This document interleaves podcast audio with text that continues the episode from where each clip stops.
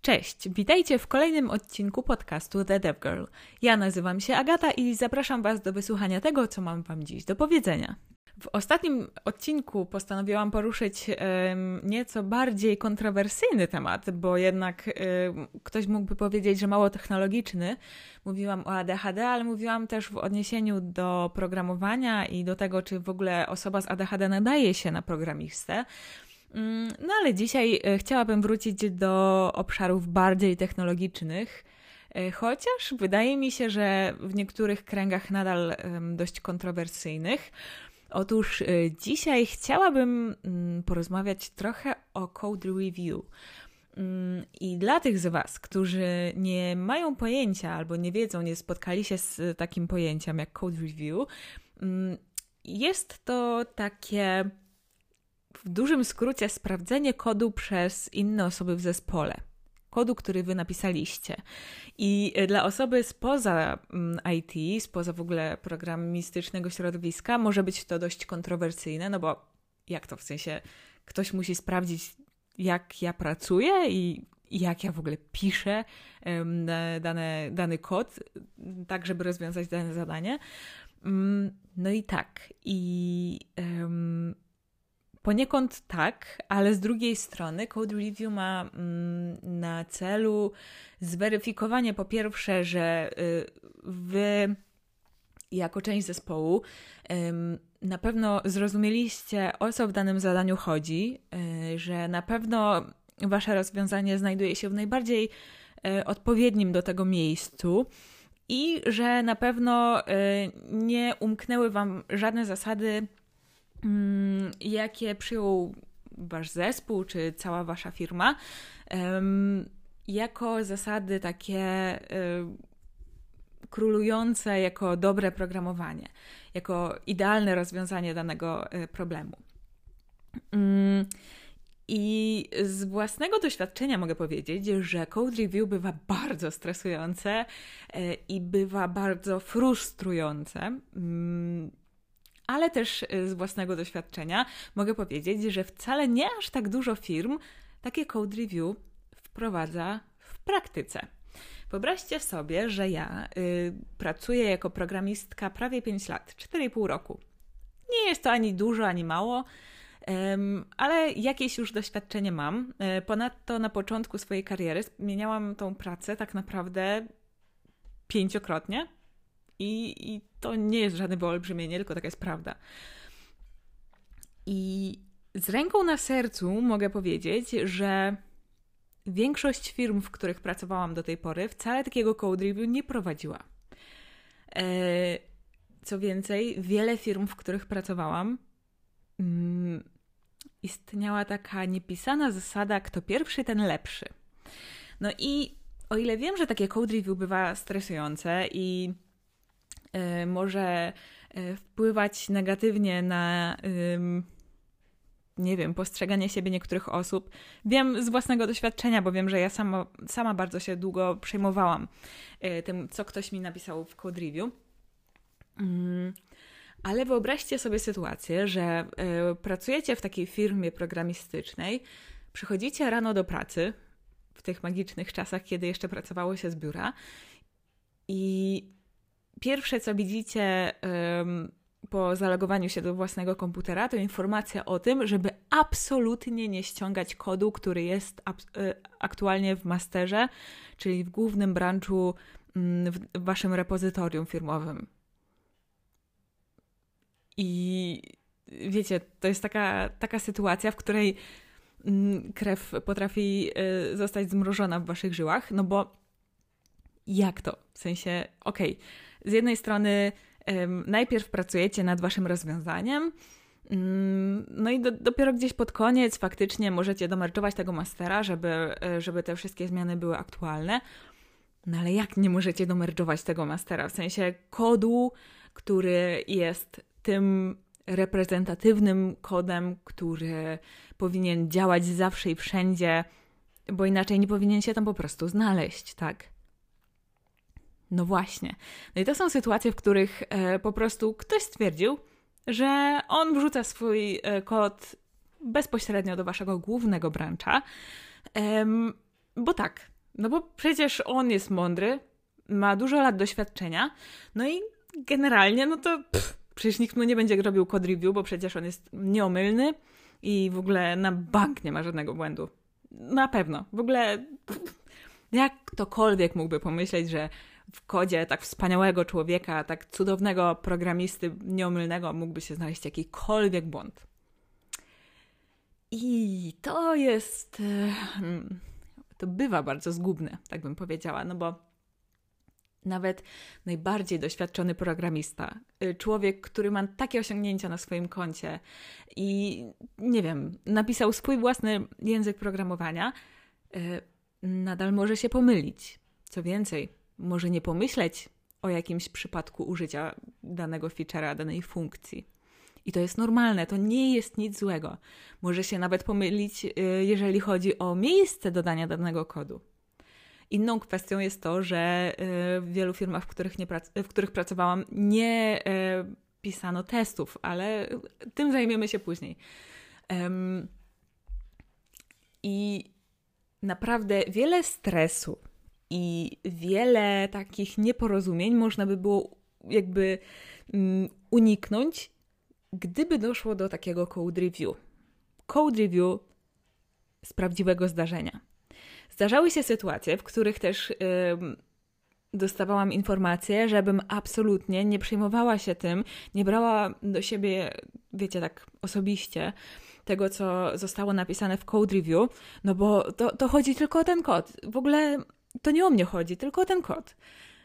I to jest miłe, yy, oczywiście, no bo jednak osoba, która takie code review prowadzi, myśli o Was, ale mm, z założenia, mm, jeżeli zaczynacie swoją pracę jako programista, programistka, powinniście e, patrzeć na code review jako na coś, co pozwala Wam być lepszym programistą bądź lepszą programistką, wytwarzać kod lepszej jakości, wyższej jakości, a nie jako na coś, co mm, punktuje Wasze błędy i mm, waszą nieumiejętność programowania.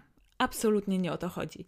I naprawdę wiem, jak trudne to bywa, żeby oddzielić e, te komentarze w code review od, od waszej osoby, ale naprawdę nie chodzi w tym o to, żeby was obrazić i żeby udowodnić wam, że nic nie umiecie, tylko o to, żeby kod, który wchodzi do tego głównego brancha i który jest tym, mm, który z założenia powinien działać w każdych warunkach, mm, był jak najwyższej jakości i był napisany w spójny sposób. Tak bym to widziała, tak ja to widzę osobiście. No ale okej. Okay. E, mniej więcej powiedziałam, po co jest to code review. Mm, ale nie wiem, czy zastanawialiście się kiedyś, jak takie code review w zasadzie powinno wyglądać i co zawierać. I mm, absolutnie nie uważam się za specjalistkę od code review.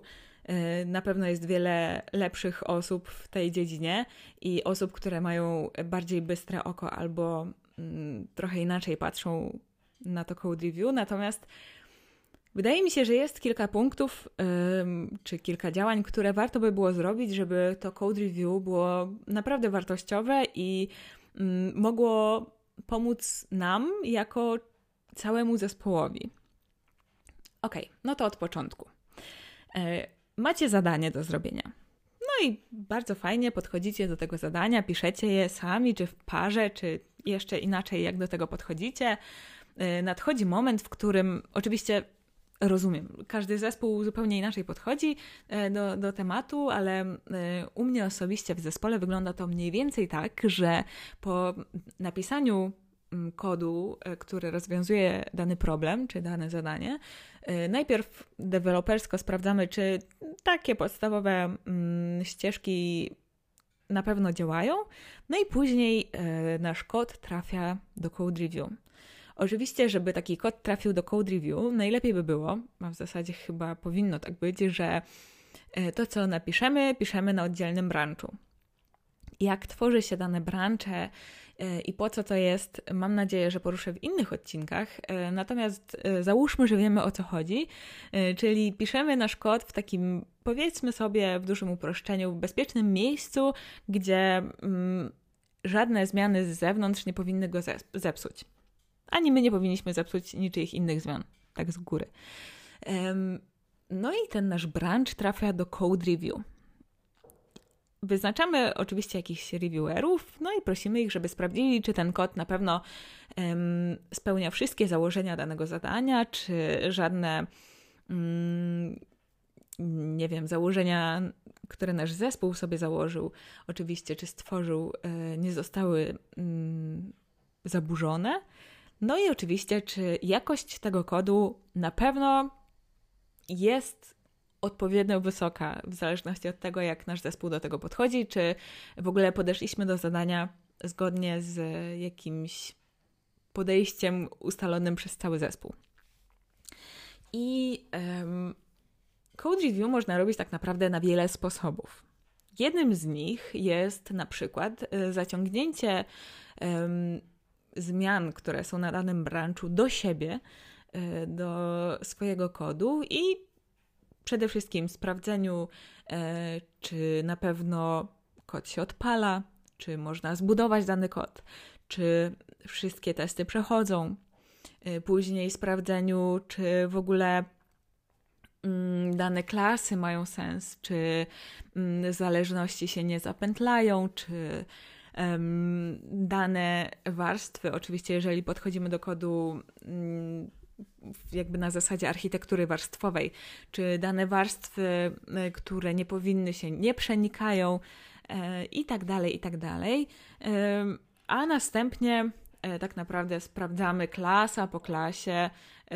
Oczywiście mówię o zmienionych klasach to, co zostało napisane i analizujemy, czy wszystko, co zostało w tej klasie zawarte, to są informacje, które są potrzebne, czy nie ma żadnych nieużytych importów, czy może e, można by było coś wynieść do oddzielnej metody, żeby było to bardziej deskryptywne, czyli bardziej czytelne, czy mm, wszystko, co znajduje się w danych klasach, jest dla nas zrozumiałe, czy to jest zgodne w ogóle, e, na przykład nazwy danych funkcji, czy są zgodne z tym, jaką konwencję przyjęliśmy jako zespół, e, tak żeby wszystko było ze sobą spójne. Mm, sprawdzamy, czy wszystkie możliwe przypadki testowe zostały pokryte testami zarówno jednostkowymi, jak i integracyjnymi. Mm, wszystko możemy sobie przeanalizować. Możemy też wrzucić e, ten kod na e, środowisko testowe czy deweloperskie, w zależności oczywiście od firmy, od zespołu, e, i przeklikać, czy na pewno wszystko działa tak, jak powinno.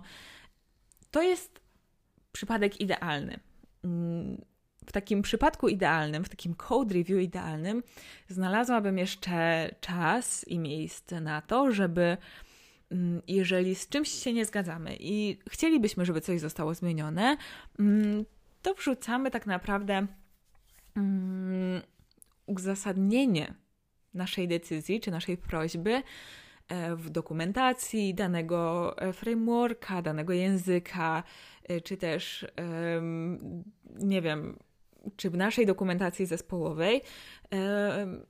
I wkleiłabym oczywiście link do danej dokumentacji, czy też może, jeżeli jest to jakiś bardziej skomplikowany przypadek, który nie jest bezpośrednio ujęty w dokumentacji, ale jest ujęty na przykład na Stack Overflow, wrzuciłabym oczywiście link do mm, danego rozwiązania i uzasadnienia tego rozwiązania, ale to jest taki świat, mm, w którym w zasadzie macie cały dzień na code review. Y, no, oczywiście, jeżeli to jest bardzo krótkie code review, czyli zmienionych jest kilka linii w kodzie, to, to wcale nie zajmuje całego dnia. Jakby zgadzam się. Natomiast jeżeli dostajecie code review, które na przykład ma zmienionych powiedzmy 24 pliki, albo 15 nawet plików.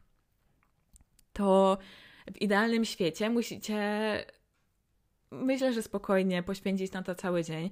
Ponadto najlepiej by było, jeżeli mm, macie obraz na mm, cały kod w danym projekcie i to nie ma znaczenia, czy w danym serwisie, czy y, akurat pracujecie na monolitach, a nie na mikroserwisach i e, znacie kod w całym e, serwisie, a przynajmniej w waszej domenie i uwzględniacie, czy ta zmiana nie wpłynie w jakikolwiek sposób na inne funkcjonalności. Więc jeszcze pod tym kątem najlepiej, jakbyście sprawdzali kod, który miałby się e, w najbliższej przyszłości znaleźć w głównym branchu, czyli w tak zwanym source code e, waszej aplikacji. Ale tak jak mówię, e, to jest sytuacja, w której tak naprawdę macie szansę poświęcić no spokojnie cały dzień na to, żeby zrobić idealne code review. I marzy mi się, naprawdę marzy mi się taki świat, w którym nie macie dwóch tasków, czterech code review i jeszcze dwóch interesantów e, z tyłu głowy, którym e, chcecie i musicie pomóc. E, tylko na spokojnie możecie podejść do takiego code review. Siadacie rano, kończycie po południu, jesteście pewni, że wszystkie mm, uwagi, które chcieliście, uwzględniliście, znaleźliście absolutnie argumentację do każdej Waszej uwagi, że mm, cały jakby cała funkcjonalność, wszystkie możliwe przypadki testowe zostały pokryte e, testami, a jeżeli nie, to oczywiście to uwzględniliście, sprawdziliście każdą nazwę, każdą e, zmienną, każdy argument w danej funkcji, nowy obiekt, wszystkie. Mm, zależności między modułami, czy też paczkami, w zależności od tego, jak nazywacie mm, daną część kodu. E, generalnie macie 100% pewności, że gdybyście wy to pisali, to, to na pewno jest uwzględnione wszystko, co tylko możliwe. Jest to idealne, jest to zgodne ze wszystkimi wytycznymi, e, zarówno mm, wytycznymi związanymi z dobrymi praktykami pisania kodu, jak i z takimi, wiecie, waszymi wewnątrz zespołowymi czy wewnątrz firmowymi założeniami. I to jest code review idealne według mnie. Oczywiście y, mogę czegoś nie uwzględnić, także jeżeli macie jeszcze jakieś uwagi, to dawajcie koniecznie znać. No ale jak to wygląda tak naprawdę w praktyce? No więc, e, tak jak powiedziałam na początku, wcale nie każda firma robi code review. I to jest moim zdaniem pierwszy błąd, no bo tak jak powiedziałam, prowadzi to do wielu nieporozumień, do wielu stresów, do naprawdę takich sytuacji, których chcielibyśmy uniknąć w pracy. Ale to jedna kwestia. Z drugiej strony bywa tak, że e, powiedzmy, dana firma nie prowadzi code review, ale nie dlatego, że ma taką politykę, tylko tak wychodzi, no bo trzeba szybko dostarczać kod, więc nie ma czasu na code review. Najlepiej to pisać wszystko w masterze, wrzucać od razu do tego mastera i w ogóle jak to pierwszy, ten lepszy, no jak się coś wysypie, to się wysypie, to wtedy się naprawia całą aplikację i tak dalej. Bywa tak, no ale zdarzają się też w takich sytuacjach e, pojedyncze code review.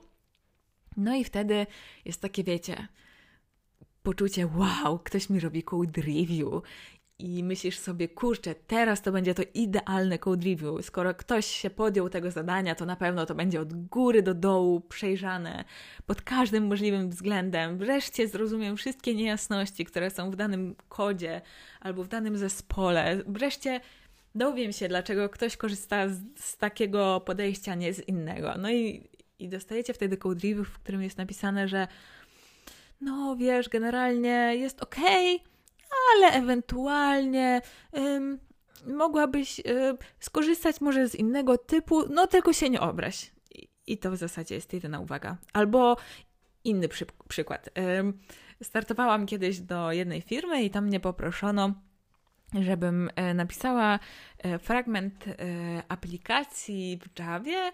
Później to zostało poddane review właśnie. I uwagą, jaką dostałam po tym review, była informacja, że mm, zadanie zostało rozwiązane za mało javowo.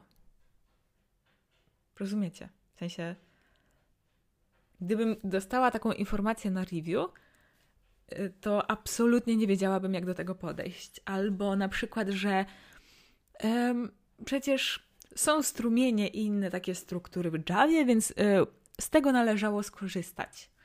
Mimo tego, że wcale nie było to potrzebne. No, no nie wiem. No, zdarzają się też takie review. Okej, okay, nie dyskutuję. Na szczęście yy, mi od dłuższego czasu takie review się nie zdarzyło. No ale okej, okay, no to to jest inne podejście do review. No ale są też takie sytuacje, że mm, pracujecie w e, takim zespole, który dostaje mm, bardzo dużo próśb o review, tak zwanych pull requestów, um, dlatego że powiedzmy w waszej firmie jest bardzo dużo mikroserwisów, wy pracujecie tak, na takiej ścieżce, tak zwanej ścieżce krytycznej, e, i od Waszych e, mikroserwisów zależy naprawdę dużo, więc wiele zespołów kontrybuuje do Waszych serwisów. No i Wy macie jakąś wypracowaną technikę programowania, jakieś macie założenia, które, których staracie się raczej przestrzegać jako zespół. Um, I przychodzi do Was na przykład w ciągu tygodnia pięć osób z różnych innych zespołów, i zdarza się tak, że macie do sprawdzenia dwa review e, z waszego zespołu i jedno review z, od osoby z innego zespołu w ciągu dnia.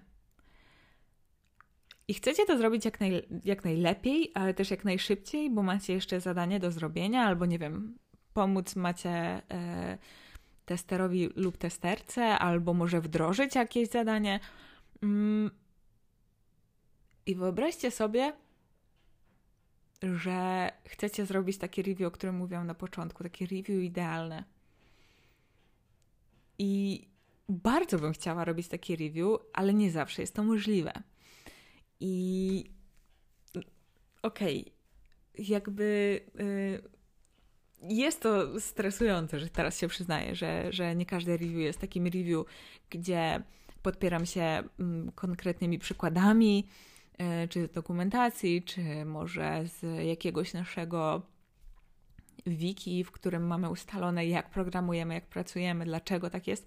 Oczywiście zawsze staram się argumentować, dlaczego uważam, że dana zmiana powinna zostać wprowadzona, yy, albo dlaczego coś dla mnie jest nie okej, okay, ale nie zawsze podpieram to yy, konkretnymi przykładami, tak jak powiedziałam, z dokumentacji czy ze Stack Overflow, bo wydaje mi się, że to nie zawsze jest możliwe. I owszem, nie zgadzam się na to, żeby code review wyglądało w taki sposób, że y, osoba przelatuje przez wasze zmiany i mówi: No, okej, okay, dobra, approve, bo to nie jest code review, to jest po prostu przelecenie przez kod. Ale nie zawsze jest szansa na to, żeby to code review zostało przeprowadzone tak, wiecie, książkowo od początku do końca. To, co moim zdaniem jest najważniejsze, to po pierwsze to, czy dany kod, który zostaje wprowadzony, spełnia oczekiwania Was jako części zespołu, Wasze w zasadzie, a nie Was, przepraszam. Czy to, co zostało tam napisane, jest dla Was zrozumiałe i nie jest czymś zupełnie bez sensu napisanym tak, tylko żeby po prostu coś działało. Bo jeżeli staracie się jako zespół mm, utrzymywać kod na dość wysokim, e, dość wysokiej jakości, no to zgadzanie się na takie e, tymczasowe rozwiązania jest najgorszym, co może się e, zdarzyć tak naprawdę, dlatego że takie tymczasowe rozwiązania bardzo często zostają z Wami na dłużej, jeżeli nie, nie na zawsze, więc zgadzanie się na byle jakość wydaje mi się, że nigdy się nie sprawdza to jest kolejna sprawa. Mm, poza tym istotne jest to, żeby sprawdzić, czy kod, który zostaje e, wprowadzony do, czy ma zostać wprowadzony do waszego repozytorium, jest dobrze przetestowany, czy y, są odpowiednie testy jednostkowe, czy są odpowiednie testy integracyjne, czy też akceptacyjne, w zależności od tego, jak je nazywacie, jak do tego podchodzicie, y, czy mm, macie pewność, że to, co zostaje wprowadzone, absolutnie nie zaburzy tego, co już działa, bo wprowadzanie kodu, który części działa, ale może zepsuć coś, co jest zupełnie jakby innej części waszej aplikacji, jest totalnie bez sensu i warto to sprawdzić, bo później wydarzają się różne awarie i sytuacje, których chcemy uniknąć za wszelką cenę, szczególnie jeżeli um, jesteśmy na dyżurze i wiecie, jesteśmy 24 godziny pod telefonem i nagle dzwoni nam w nocy coś, że coś nie działa i jakiś klient nie może dokończyć jakiejś transakcji, więc unikajmy takich sytuacji i sprawdzajmy, czy um, to, co ma zostać dodane, na pewno po pierwsze jest dodane w dobrym miejscu i na pewno będzie działać i nie zepsuje nic innego. Um, czyli też warto sprawdzić oczywiście jakąś regresję w waszym kodzie, czyli um, czy to, co już działało, nie zostanie zepsute. A uwierzcie mi, że w wielu, wielu firmach, w których pracowałam, niestety tak to wyglądało, że wrzucając nową funkcjonalność, u kogoś to działało, ale oczywiście po dorzuceniu tego do aktualnego Monstera e, psuło się coś innego i wtedy oczywiście trzeba było naprawiać wszystko od początku. Nie polecam. Zdecydowanie nie polecam. Um, i to są takie, moim zdaniem, najważniejsze sprawy. Y, oczywiście y, istotne jest to, żeby nazwy mm, były zgodne z koncepcją w danym repozytorium, żeby nie było żadnych nadprogramowych zmiennych, nadprogramowych funkcji, ale też, żeby tych funkcji nie było za mało, żeby ten kod jakby nie stał się mniej czytelny niż był do tej pory. Mm, jeżeli widzicie, że gdzieś powstają cykliczne zależności, zgłoście to, bo nie chcemy takiego kodu. Jakby nie budujmy takiego giganta na glinianych nogach, bo, bo to jest totalnie bez sensu i to zemści się na nas szybciej niż później. I tak, i jeżeli mogłabym Wam poradzić, to zdecydowanie to są według mnie takie najistotniejsze rzeczy. Um, oczywiście, jeżeli macie czas i macie mm, przestrzeń na to, to jak najbardziej polecam um, weryfikować Wasze niepewności w dokumentacjach, w takich e, źródłach jak Stack Overflow, bo wbrew pozorom jest to jedno z lepszych źródeł wszelkich takich naszych programistycznych zagwozdek, e, czy w zasadzie rozwiązań tych zagwozdek. Ale wydaje mi się, że jest to zrozumiałe, że nie zawsze jest na to przestrzeń, żeby e, podeprzeć te nasze argumenty takimi linkami. A spotkałam się z. Y, ze zwróceniem uwagi na to, że, że takie linki się przydają i zgodzę się w 100%, podpisuję się pod tym nogami i rękami, e, ale też zauważam, że nie zawsze jest na to przestrzeń i czas. E, niemniej, jak dużo code review by na Was nie było, poświęćcie temu jak najwięcej czasu i uwagi, bo to jest warte, bo mimo tego, że mm, to jest kod, który nie jest Wasz, tylko przychodzi od kogoś innego. I to nieważne, czy od kogoś innego z waszego zespołu, czy z innego zespołu, to jest to kod, nie kod, kod, który y, też będziecie musieli utrzymywać, który będziecie musieli rozwijać, za który odpowiadacie jako część zespołu i y, który musicie rozumieć, żeby faktycznie móc go rozwijać, więc y, potraktujcie to trochę jako część waszej odpowiedzialności i jako kod, który równie dobrze moglibyście napisać. I jeżeli macie jakiekolwiek mm, wątpliwości, niejasności w związku z tym kodem, e, skontaktujcie się z osobą z e, waszego zespołu w kontekście, nie wiem, czegoś, co wy byście zrobili, ale nie jesteście pewni, że na pewno to powinno się tam znaleźć, albo z autorem e, danego kodu, czy z autorką, bo może czegoś nie rozumiecie, e, coś powinno się tam znaleźć, ale nie wiecie dlaczego. w miarę możliwości starajcie się rozwiewać wszelkie wątpliwości, bo po to też to code review jest, więc z jednej strony po to, żeby oczywiście ten kod był mm, na danym poziomie, żeby spełniał pewne wytyczne, e, pewne warunki, ale też po to, żebyście wy w pełni rozumieli, co tam się dzieje, co się zmieniło, gdzie będziecie zaczynać e, wprowadzając wasze zmiany, mm, czy zastanawiając się nad kolejnymi zmianami, jakie mają do tego kodu wejść w przyszłości. I w momencie, kiedy będziecie dodawać nową funkcjonalność, nowe rozwiązanie, czy cokolwiek innego, tak? Więc um, code review wydaje mi się, że jest równie ważne, jeżeli nie ważniejsze, niż e, pisanie właśnie kodu przez Was. No, jak sobie teraz tak myślę, to code review wydaje mi się nawet ważniejsze, no bo nie sztuką jest dodać kolejne linie kodu,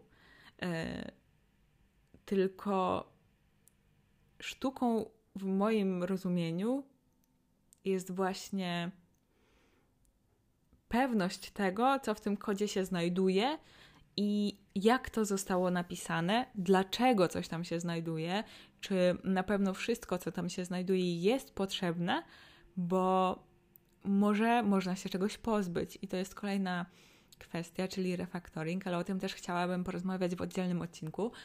Więc um, tak. Poświęćcie temu code review chwilę dłużej niż do tej pory E, nie przelatujcie bezmyślnie przez ten kod, chociaż czasami jest to tylko przerzucenie danych z jednej klasy do innej albo zmiana wartości jednego um, property, to nadal warto się zastanowić, czy można by było coś zrobić tam lepiej albo inaczej, albo może bardziej w zgodzie z tym, co do tej pory robiliście jako zespół, a może warto wprowadzić jakieś zmiany u Was w zespole, skoro przychodzi Mm, do Was e, code review z zespołu innego i proponuje coś zupełnie inaczej. I to inaczej wcale nie znaczy gorzej albo e, niezgodnie. Może właśnie to inaczej mm, pokazuje Wam, jak można fajniej, w bardziej optymalny sposób e, podejść do programowania, do rozwiązań w Waszym repozytorium. Także E, takie code review może być też um, ciekawą lekcją dla nas, dla osób, które to code review przeprowadzają, także wydaje mi się, że fajnie jest podejść do niego jako do, do czegoś interesującego, do czegoś, z czego możemy sami się nauczyć, z taką ciekawością, otwartością, a nie właśnie z takim ojeny, znowu code review, ja bym sobie poprogramowała, a nie tam jakieś code review albo jakieś testy. Boże, kto to robi? No, więc yy, tak sobie myślę, że w sumie to jest coś, co, co nam powinno pomóc, a nie wcale nam przeszkadzać. No, tak sobie pomyślcie przy następnym code review. Yy, co możecie z niego sami dla siebie wyciągnąć i dla waszego zespołu, albo co możecie y, pokazać innym osobom. Mm, może coś ciekawego, co inne osoby też mogą do siebie wprowadzić, wdrożyć u siebie. No, fajnie. Ja z takich code review um, bardzo dużo się nauczyłam. Oczywiście, um, jako że mam ADHD i nie zawsze jestem najbardziej skupioną osobą na świecie, to zdarzało się tak, że moje code review wracało kilkukrotnie i musiałam robić poprawki o Jezu, kilka razy. Ale nauczyłam się naprawdę zupełnie inaczej pisać kod, zupełnie inaczej podchodzić do tego e, zadania, zupełnie inaczej dzielić sobie dane zadanie na mniejsze kawałki, więc mm, wydaje mi się, że, że więcej dobrego wychodziło zawsze z takich code review niż złego e, i, i to też Wam polecam, taką otwartość, taką ciekawość i takie takie właśnie podejście, co ja mogę z tego wynieść, albo co ja mogę pokazać osobie, której to code review y, przeprowadzam. Ja tak czasami y, staram się właśnie pokazać y, ciekawostki ze świata DDD, o którym też chciałabym nagrać oddzielne odcinki podcastu. Takim osobom, które kontrybuują do kodu mojego zespołu. I e, często też spotykamy się z tym, że, że fajnie, że ktoś nie pomyślał o tym w ten sposób. Także Wam to również polecam. Okay, dajcie mi znać koniecznie, e, jak u Was wygląda code review. E, czy jesteście zadowoleni, kiedy macie do przeprowadzenia code review właśnie? Czy stresujecie się przed wystawieniem code review, bo ja stresowałam się bardzo długo. Jestem tego mega ciekawa. Może coś dodalibyście do tego code review idealnego, a może zupełnie inaczej je postrzegacie. Um, jakie jest wasze minimalne code review, jakiego byście się podjęli, e, czy jakiego się podejmujecie? Dajcie mi znać koniecznie. Zapraszam was do siebie na Instagram. moje konto nazywa się Agata Strojek Podkreślnik. E, I mam ogromną przyjemność zawsze, kiedy mm, piszecie tam do mnie, ja mogę Wam odpisać, e, także zapraszam serdecznie. No, fajnie, fajnie jest wrócić. Cieszę się, że wracam do podcastowania. Fajnie mi się tutaj z Wami gada. Okej, okay, to co? Do zobaczenia, do usłyszenia w zasadzie w kolejnym odcinku. Pa!